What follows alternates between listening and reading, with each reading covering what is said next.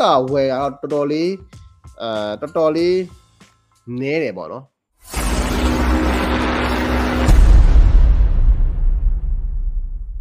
ကဲကိုအောင်အောင်ဆက်ပြီးမေးထားတာက Facebook Shop ကနေပြီးတော့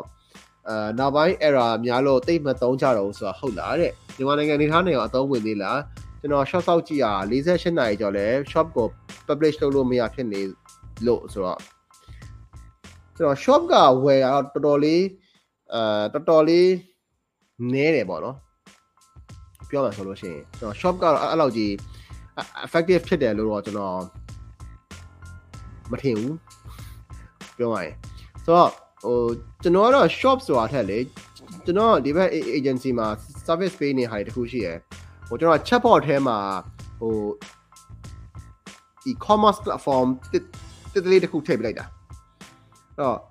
shop ကကျွန်တော်တို့ကသွားကြည့်တယ်ဝယ်ညာတယ်ဘာညာတယ်ဆိုတာအရန်ရှားတယ်မြန်မာနိုင်ငံမှာဘာလို့လဲဆိုတော့ post တွေ့တယ် send message လိုက်တယ် message box တက်လာတယ်ဝင်မေးတယ်အဲ့နေရာမှာဘယ်လောက်လဲမမဝယ်လို့ရလဲဘာရောင်နေရှိလဲဒါပစ္စည်းလာပို့ပေးလားဘယ်လောက်ကြလဲစားတဲ့ဟာကျွန်တော်မေးကြတာများတာဆိုတော့ကျွန်တော်ကျွန်တော်က Facebook shop ဆိုတာတဲ့လူတွေတိတ်မသွားဖြစ်တဲ့ Facebook shop ဆိုတာတဲ့ Facebook Messenger platform ဆဲမှာအာဘယ်လိုခေါ်မလဲ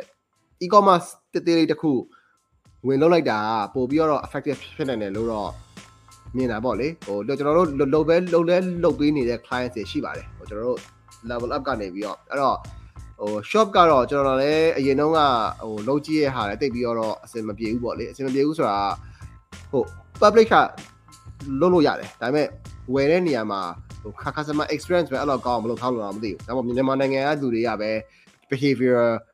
မရှိလို့လားနောက်ဆုံးကျွန်တော်ပဲအသုံးမကျလို့တော့မသိဘူးပေါ့နော်ဒါပေမဲ့အဲ့ဒီ shop.com shop.com တော့တဲ့ shop section တွေကဟို product တွေကဝယ်ကြတာအရင်နေပါတယ်ဆိုတော့ chatbot ထဲကနေပြီးတော့လုပ်ချင်တယ်ဆိုလို့ရှိရင်တော့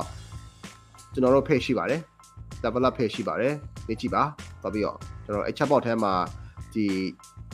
e-commerce platform ကိုကျွန်တော်တို့ဘယ်လိုမျိုးစောက်ထားလဲဆိုတဲ့ဟာမျိုးလေးချက်လေးဖြေပေးပါမယ်